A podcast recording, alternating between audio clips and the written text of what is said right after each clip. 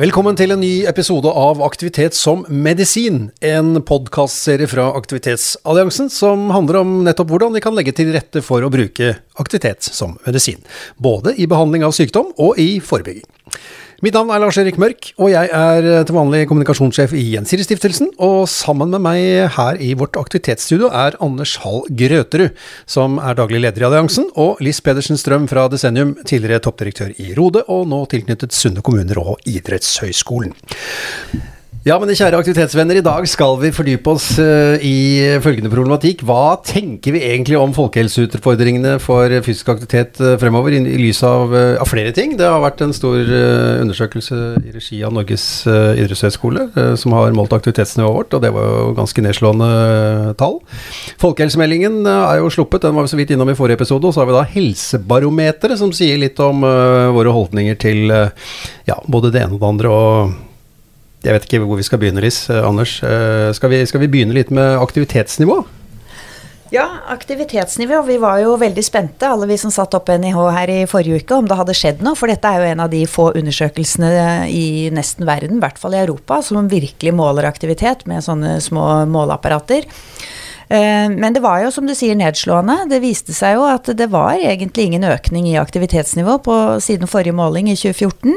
Eh, da hadde det vært en liten økning i forrige periode, eh, så det var positivt. Men nå i, snitt så var det ikke det. Men det man kunne se, var en ting som vi vel har snakket om flere av oss, at det er en økende polarisering. Og de mest aktive, de blir mer aktive, og så er det kanskje flere som, av de som er mindre aktive, som blir enda mindre aktive. Og det er jo ikke en utfordring eller en utvikling som, som, vi ønsker oss i det hele tatt. Mm. Hvorfor er det sånn? Er det sånn at de som på en måte ikke gidder, de blir si, enda mer giddeløse? Og fordi at det nettopp er så mange som da viser at de er så spreke, så blir den der eh, avmaktsfølelsen enda større? Det kan kanskje være noe der, men det ligger vel nok mer kanskje på eh, forholdene du lever under og hvordan du har det i livet ditt. Og det er klart at det har jo vært en periode med mye press nå. Vi har hatt pandemi, det er jo krig, og det, det, det er krevende tider. Eh, så hvis du ikke ser at du har hatt plass til særlig mye aktivitet i livet ditt eh, fra før, så, så, kan det kanskje ha vært vanskelig å, å, komme videre med det nå. Og så har vi et stadig mer hva jeg kaller for noe inaktivitetsfremmende samfunn, ikke sant. Det kommer sparkesykler og små hjul du står på, og det er, eh, det er lite fokus på fysisk aktivitet. Så jeg tror kanskje det er mer der. Eh, mens de som da liker å være i aktivitet, de eh, vet stadig mer om hvor bra det er, og kanskje finner nye former. Og så, så går, vi, skal ikke, si sånn, vi skal ikke være lei oss for at det er flere som trener mer. Det skal vi være glad for. De som er mer aktive. Så det er ja. ikke der problemet ligger. Men problemet er vel at den, en stor målgruppe da fortsatt ikke helt finner sin form. Mm.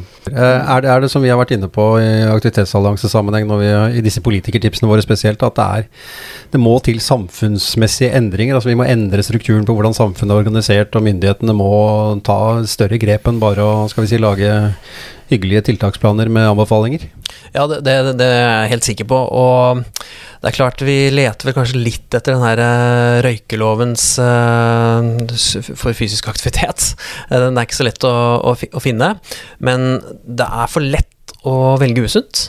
Og det er det mest behagelige, og vi er programmert som fra naturens side. ikke sant? Ta vare på energien og spise fett og søtt. Det, det ligger jo i oss sånn instinktivt. Og da, når det er så mye fristelser av det, så er det fort gjort å falle i den fella. Men 80% sitter jo stille mer enn åtte timer om dagen, og mm, det er for mye. Og det sier jo litt om at vi på arbeidsplassen f.eks., enten man er sjåfør eller eh, sitter på kontor, så må man ta noen aktive valg for å kompensere på det.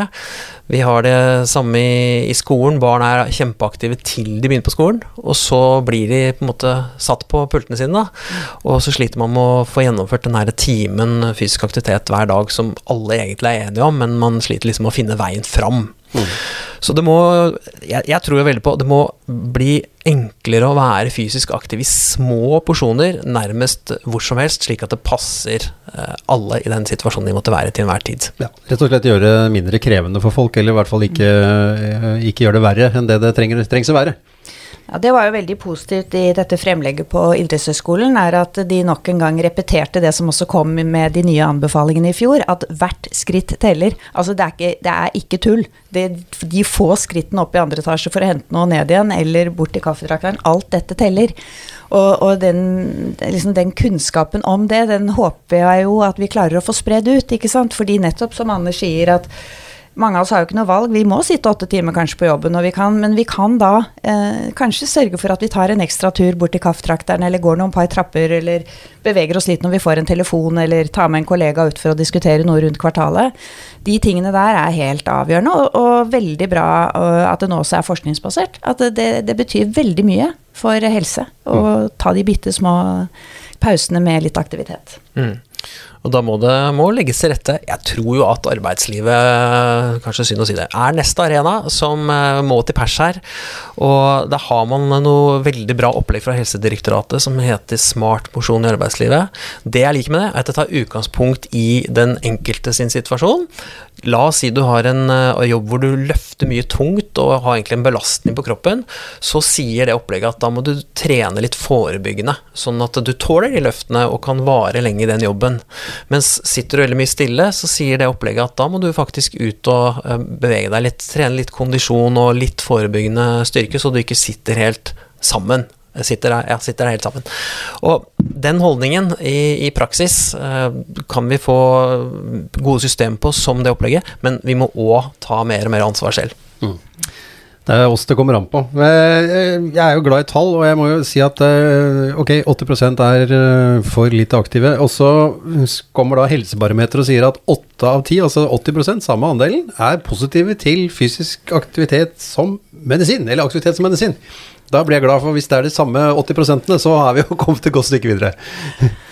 Ja, det, det, det, kan jo godt være det, og det kanskje bringer oss over på noe av det vi har snakket om før også. Dette med at det er faktisk eh, mange som kan kjenne behov for litt ekstra tilrettelegging og veiledning for å komme seg i aktivitet. Og det ligger jo litt sånn i sakens natur at aktivitet som medisin, da, da skal du få en medisin. Det skal jo være noe aktivitet som noen hjelper deg til å komme inn i, akkurat som man gjør med andre resepter. Uh, og at uh, det, det, er vel også noe som vi nok må ta inn over oss i AS Helse-Norge, at uh, vi kommer ikke til å øke så veldig på disse tallene hvis ikke det blir noe mer konkrete tiltak og ikke minst midler i forhold til det å hjelpe en del til å finne sin aktivitet og finne en aktivitetsvane som de kan trives med over tid. Komme i gang, rett og slett. Også på, på en helsemessig fornuftig måte. Hvis du har fått en, en, diagnose, så er det jo mange som er engstelige for å, hvor skal jeg begynne, og, og hva er riktig riktig for min kropp. Og det vil jo ligge i sånt aktivitet som medisin. Eh, det ligger der. Eh, så det at folk er positive til det, det, det tror jeg vi kan forstå.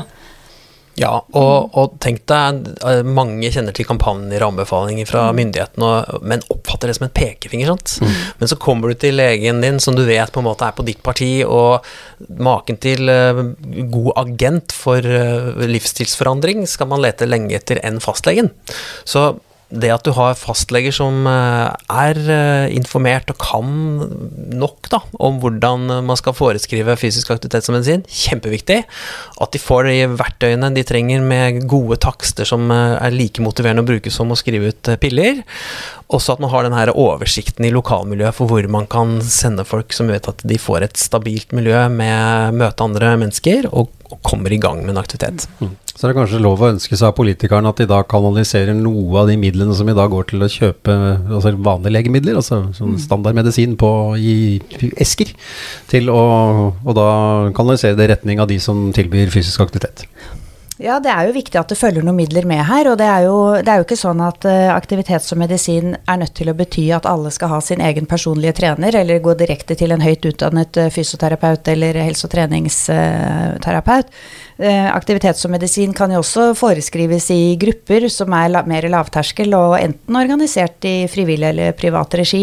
Så det var jo en av de tingene vi fikk anledning til å spille inn for helse- og omsorgskomiteen her, at det er viktig å, å tenke bredt, men at uh, selv man si, gruppebaserte aktiviteter i frivilligheten, det også koster, for noen skal ha betalt for å organisere den frivilligheten. Så, så det må stimuleres mer, sånn at det apoteket som fastlegen skal henvise til eh, når det gjelder aktivitet, at det er velutstyrt og har mange forskjellige medisiner. fordi ellers så vil du nok ikke treffe alle. Er, vi, vi, må ha noe som treffer, eh, som gjør at du, du har lyst til å fortsette med den aktiviteten over tid. Så er det kanskje ikke så lurt å Vi snakker om det også, gjøre det rett, eh, riktig, eller gjøre det lettere å ta de sunne valgene. Så er det kanskje ikke så lurt å innføre merverdiavgift på, på trening. Det er litt uh, merkelig signal, iallfall. Og nå sier jo bransjen også at uh, denne momsen må gå rett på prisen, for de har så lite såkalt inngående moms å trekke fra. Og da blir det jo veldig dyrt, da, for, uh, for folk flest. Og det å trene på treningssenter er jo den aktiviteten i organisert regi som folk flest bruker nå i dag. Og så det er et merkelig signal. Litt rart at det kommer samtidig med en eh, folkehelsemelding hvor man skal satse mer på både forebyggende helse og helsefremmende aktiviteter. Så vi får se hva det, hva det blir til. Jeg tipper at det forslaget faller. Mm. Det håper vi på. Så håper vi på at det kan falle, og så kan man heller hente de pengene for å få tilbake mer sukkeravgift og avgift på de usunne matvalgene. Fordi man eh, vi, hvis, er, hvis, et av målene er å få flere penger inn i statskassen, som vi kan trenge i disse tider, så har vi jo dette med sunn skatteveksling, det heier vi på. Og moms på trening er vel det motsatte, strengt tatt. Det blir vel en usunn skatteveksling. Ja, I hvert fall når man i folkehelsemeldingen er opptatt av å utjevne sosiale forskjeller, så er jo ikke det akkurat med på å bidra til å gjøre tingene lettere. Nei, å, gjøre det lett å, å ta sunne valg. Mm. Det, det, er veldig mange som ser på lommeboka. Er for dyrt eller har ikke tid, det er vel de vanligste unnskyldningene som går i, igjen. Eh, når man forteller om hvorfor man ikke får beveget seg mer. Ja, og i disse tider så er jo det med at det er for dyrt, det er mye mer reelt for mange flere enn, det, enn det var tidligere også. Så vi skal ta det på alvor. Anders, du var inne på dette med fysisk aktivitet på arbeidsplassen, som da kanskje er liksom den arenaen som uh, det ligger et størst potensial i, og med at uh, de fleste av oss, før vi blir pensjonister i hvert fall, eller ikke går på skole, så er vi jo da, sitter vi jo da på jobben, mange av oss. Hva er kanskje det viktigste tipset eller rådet vårt til arbeidsgivere? Det er å legge til rette for uh, at man kan være aktiv til og fra jobb, f.eks. aktiv transport. Det er noe som heter sykkelvennlig arbeidsplass, f.eks., som er et flott tiltak.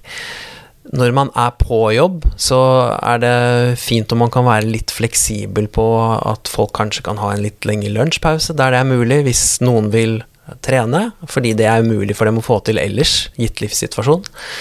Og så er det kanskje aller viktigste uh, dette som heter exercise snacks. Det er blitt en ny referanse innen forskningslitteraturen.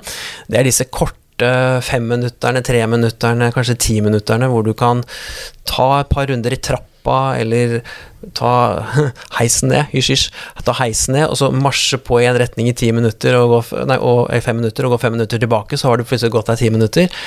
Eller ta et gående møte. Hvorfor ikke drodle litt, eller ta starten på medarbeidersamtalen gående.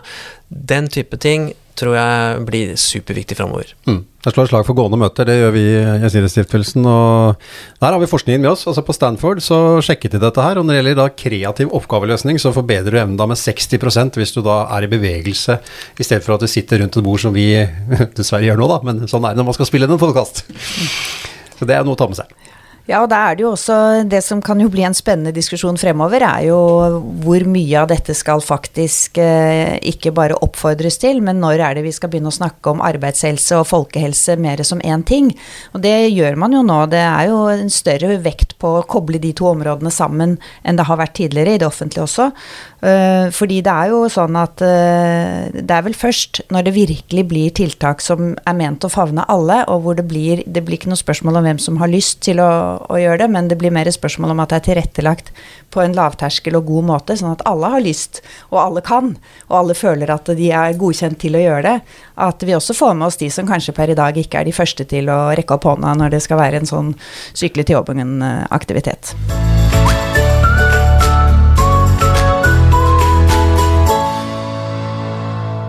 Neste gjest kom til Norge fra Egypt som 19-åring, og er bl.a. engasjert i inkludering av innvandrere i friluftslivet. Hun har tidligere vært engasjert i bl.a. Norges jeger- og fiskforening og DNT, og sitter i rådgivende gruppe i prosjektet Flerkulturelt friluftsliv. Og dessuten så ble hun kåret til Årets villmarking i 2021. Hanan Abdelrahman, velkommen til Aktivitet som medisin. Tusen takk. I fjor så var det frivillighetens år, og da meldte du deg som frivillig turleder i DNT. Eh, kan ikke du aller først gi oss en litt sånn kontekst rundt ditt forhold til, eh, til natur, og, og ikke minst turglede? Også turglede er noe jeg oppdaget eh, som voksen kvinne da jeg var i 2017, ikke veldig lenge siden. Jeg gikk min første tur til et branntårn i Østmarka, og etter den dagen så ble jeg bitt av basillen og ville bare gå på tur hele tiden. Og eh, endelig i fjor, eller året før, da, så tok jeg steget da, og turde å melde meg som turleder da, for å gi de andre den grønne pillen. da og gi dem den, vise dem den samme gleden jeg har opplevd. Mm. Mm. Uh, vi kommer jo stadig tilbake til hvor bra det er å gå. Én ting er jo liksom så vidt de spektakulære turene på fjell og vidde som vi gjerne ser bilder av, men vel så viktig er jo de turene som vi får, uh, får til i nærheten av der vi bor, altså hverdagsturen. Jeg er helt enig med deg. Altså De nærturene de er undervurdert. Og generelt sett, de tingene du kan gjøre ofte og har, eh, er konsistent i, det er de på en måte som gir den beste effekten. da. Om det er trening eller tur eller whatever. da. Så eh, jeg tenker de nære turene, de kan være veldig fine òg, da. Eh, trenger ikke å dra helt til Jotunheimen eller som du sier, da Hardangervidda eller Svalbard da, for å oppleve noe fint. Det er de små øyeblikkene og den hverdagsmagien da i eh, 100 skogen da. Mm. Men ta oss med på en sånn typisk nærtur da, i DNT eller Hanan-regi, da i Hanan-regi, typisk tur. Ja. Eh, da er det en uh, tur i en sånn topp, da. Uh, topptur som kanskje Tømmeråsen, da. Da tar jeg bussen til Krokhol, og så starter turen allerede der. Og så går jeg da, og, og så møter jeg mange fine ting å se på på veien. Eh, jeg vet ikke om hvor mye folk har sett med Østmarka, da, så du møter på noen fine tjern, noen fine detaljer, steinformasjoner, vakker skog, en terreng, ulendt terreng som går opp og ned, og som er veldig spennende å ferdes i, da. Og så kommer du endelig til den toppen, eh, og det er ikke veldig sånn vanskelig tur, men allikevel så får du den her um, uh, reward da, helt på slutten, og, og så kan man gå eh, tilbake da på den litt grus, så får du både sti og grus, og, og turen er ikke mer enn seks kilometer, men seks kilometer som er full av opplevelser og ren magi, da. Mm.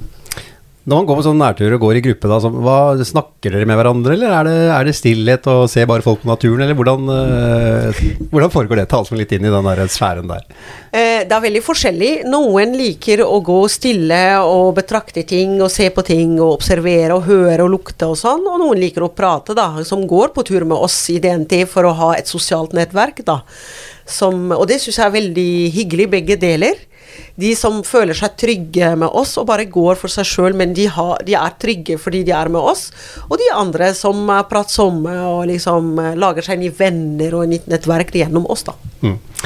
Det er jo slik at ting man ikke har gjort før, det er man jo litt engstelig for å gjøre. Enten det er snakk om å prøve ny idrett, eh, eller sykle, som jeg har hørt du skal gjøre i dag. det er veldig skummelt. Jeg gruer meg skikkelig. kommer helt sikkert til å gå bra. Ja. Men hvordan er det med tur og sånn? Altså, jeg tenker liksom, det liksom, sies jo at Vi nordmenn er født, født på ski med beina, det er vi for så vidt ikke, men vi er flinke til å gå på ski. Men det heter seg at vi er flinke til å gå på tur. Mm. Men så viser jo alle undersøkelser at vi er jo ikke så aktive. Vi er jo egentlig ikke så flinke til å gå, gå tur. Det har gått nedover, da. Ja. Men eh, det, altså, jeg tenker, i hvert fall hørte jeg i det siste, og det som jeg syns er veldig trist, da, at barn barnas aktivitet har gått fra å være 40% barn ute til å være 18% Det syns jeg ikke er bra, egentlig. altså. Både for mentalt og fysisk helse og alt. Og det må vi gjøre noe med. Eh, fordi jeg, jeg, tenker det å være i aktivitet og gå ut, det er for å bygge ned på alle plan, egentlig. Både mentalt og fysisk, da. Har du gjort deg noen tanker om hva som er grunnen til, eller hva som er barrierene for at vi ikke er flinkere til å benytte oss av de turmulighetene som ligger rundt der vi bor? Eh, jeg tror folk egentlig tror eh, at det er vanskeligere enn det er egentlig er. Du trenger ikke å være Lars Monsen på kart og kompass egentlig for å ferdes i norsk skog, da. Det er jo en del, og du trenger ikke å gå de her eh, off-pist vanskeligste turene. Det er mange fine turer som er merka. Du har jo ut.no, du har jo mange muligheter da for å lære turer. Og, og følge blå løype, på en måte, eller skiløype, eller Det er ikke så vanskelig i Norge, altså. Til og med jeg klarte det. Som ikke er født i Norge. Men uh, hva, hva, sier deltakerne da, når de har vært på tur med dere? Hva, hva sitter de med? Altså, det, sier de noe om hvordan, hva de tenker, eller hva turen har gjort med dem? Eh, det er utrolig hyggelig når man, man, får diverse tilbakemeldinger. Jeg kan ikke si at alle er topp fornøyde, men i hvert fall jeg kan si noe om den turen vi hadde forrige søndag. da, Hvor vi gikk eh, litt eh, delvis eh, merka stier og delvis litt off-piste, i steder som kanskje deltakere ikke tør å gå på egen hånd, og da var deltakerne veldig fornøyde. Og oi, hvordan kan vi komme dit igjen på egen hånd? Kan vi tracke liksom ruta? Ikke sant? Så skapte veldig mye spenning, da. Og så viser du dem noen kule detaljer. F.eks. typisk Dausmarka man viser de her kløftene og de her eh, Vi viste noe, dem, noe som heter dryppe, da, hvor vann drypper ikke sant, mellom trær og sånn.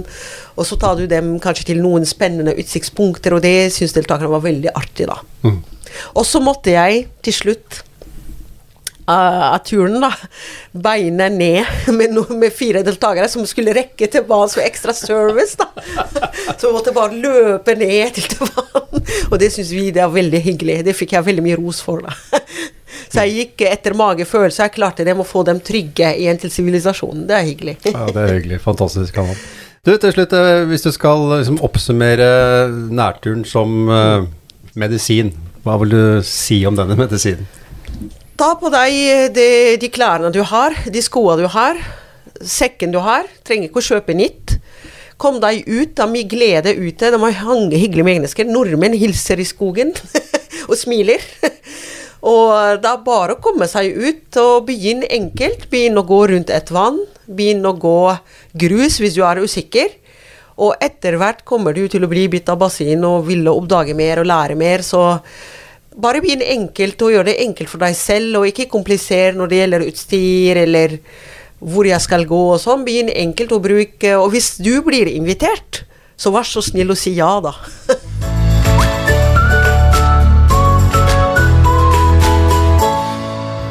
Ja, Anders, tur ute er bra, men det er vel ingen tvil om at både styrken og evnen til å være i aktivitet ute ofte starter inne, der det alltid er, eh, er godt vær.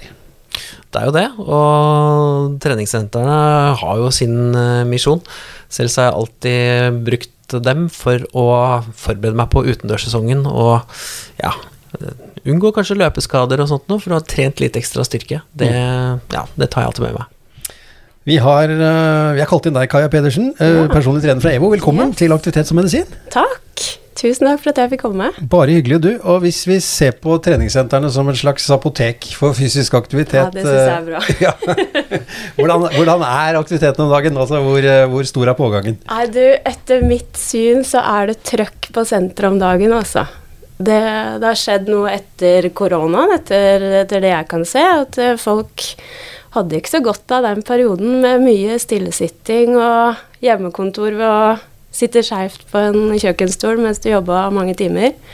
Det, det, ser jeg at det, det har kanskje forplanta seg litt, da. Ja.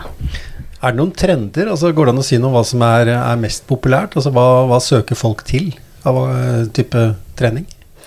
Uh, trender Jeg syns det blir mer atletisme. Altså mer bruk av kroppen. Jeg har gjort mer fottrening, og liksom folk har oppdaget at de har tær og føtter. Altså. og ikke bare la alt under knea seile sin egen sjø. Uh, mye balanse, litt sånn triksing kanskje. Litt sånn det å stå på henda, eller bare det å stupe kråke. Uh, jeg har en på 60 år nå som liker å stupe kråke, liksom. Det er bare for å bevege seg og få den romfølelsen og oppdage hvor svimmel man blir nå av å stupe kråke, mens før så, så var jo det ingenting. Når man er ung og litt sånn før eh, Skal vi si man kommer i Der må man møte alle vondtene. For det, det, det, skjer jo med de fleste av oss. Ja, det eh, kommer. Det kommer, eh, kommer, på oss. Hvilke råd vil du gi da for å skal vi si, liksom ha et godt utgangspunkt for å, for å kunne fortsette med det man syns er, er, mest gøy? Enten det er å gå på tur, eller det er, er sykle, eller ja, ta seg en tur på skauen osv. Ja, ikke sant. Nei, men vi er jo i ferd med å sitte i stykker kroppene våre. Så det at vi får brukt kjernemuskulaturen, den blir jo helt satt ut av spill med en gang du setter deg ned i en stol og sitter godt og behagelig. Um, så det å, å, komme seg tilbake igjen i, i kroppen og, og, på en måte ha, ha, det som har fri bevegelse, uhemmet bevegelse som et utgangspunkt. Men du, hvis ehm, jeg nå har lyst til å komme meg litt i form for å gå på en fjelltur som jeg ikke har gått på på en stund, og begynner å kjenne litt på at eh, ja, kroppen og kapasiteten ikke var det den en gang var, og så tenker jeg om fire uker skal jeg få til det. Mm. Og så kommer jeg til deg og skal få litt tips om øvelser jeg kan gjøre, styrkeøvelser, for å bli bedre til å gå på den fjellturen om fire uker. Hvilke øvelser er du da anbefaler? Ja, men det var helt spesifikt. Ja, det kan gi, gi et eksempel på en eh, øvelse der. Ja, for eksempel en step-up, som vi kaller det. Det er egentlig en ganske enkel øvelse. Kan sammenlignes med et høyt trappetrinn, en sånn tribunesteg. Og det at når du går opp på det steget, at du prøver å løfte deg opp med et distinkt press gjennom hælen, slik at setemuskulaturen bærer deg opp når du har trent noen reps på treningssenteret på den, kanskje gjennom vinteren og våren, og så kommer du ut og, og skal på tur eh, da, da, da, kan du få en følelse altså, at du blir båret opp eh, bakkene. Det er et helt konkret eksempel som, som, jeg liker veldig godt når jeg går på fjellet, i hvert fall. Å kjenne at jeg pusher igjennom. og Sammen med, med ski og randonee, at du, du kjenner trykk du, du, på en måte løfter deg frem istedenfor å stabre deg frem, på en mm. måte. Ja. Det er lett å, å, se for seg det. Men jeg syns ofte det kan være utfordrende, vel så utfordrende å gå ned fra fjellet. igjen. Og ja, liksom, du skal bremse, liksom. Med, oh. Da du får vondt i knærne, vet du. Ja, ikke sant. Så hvordan kan man trene opp det, det da? En uh, spesifikk øvelse på det også. Gjenbruk av et trappetrinn. Der kan du stå oppå et si 20 cm trappetrinn. Så står du oppreist og godt i kroppen din og i hælen din på stamfoten du skal trene. Strekker du ut det andre benet akkurat som du skal gå ned trappen, men du bremser bare steget til hælen din på den andre foten toucher bakken, og så løfter du deg opp igjen. Så du går på en måte nesten ned i et trappetre, men du ombestemmer deg siste liten og går opp igjen der. Verdens beste kneøvelse. Den uh, burde alle gjøre ti ganger tre hver dag. Det, da får du helt solide knær, altså.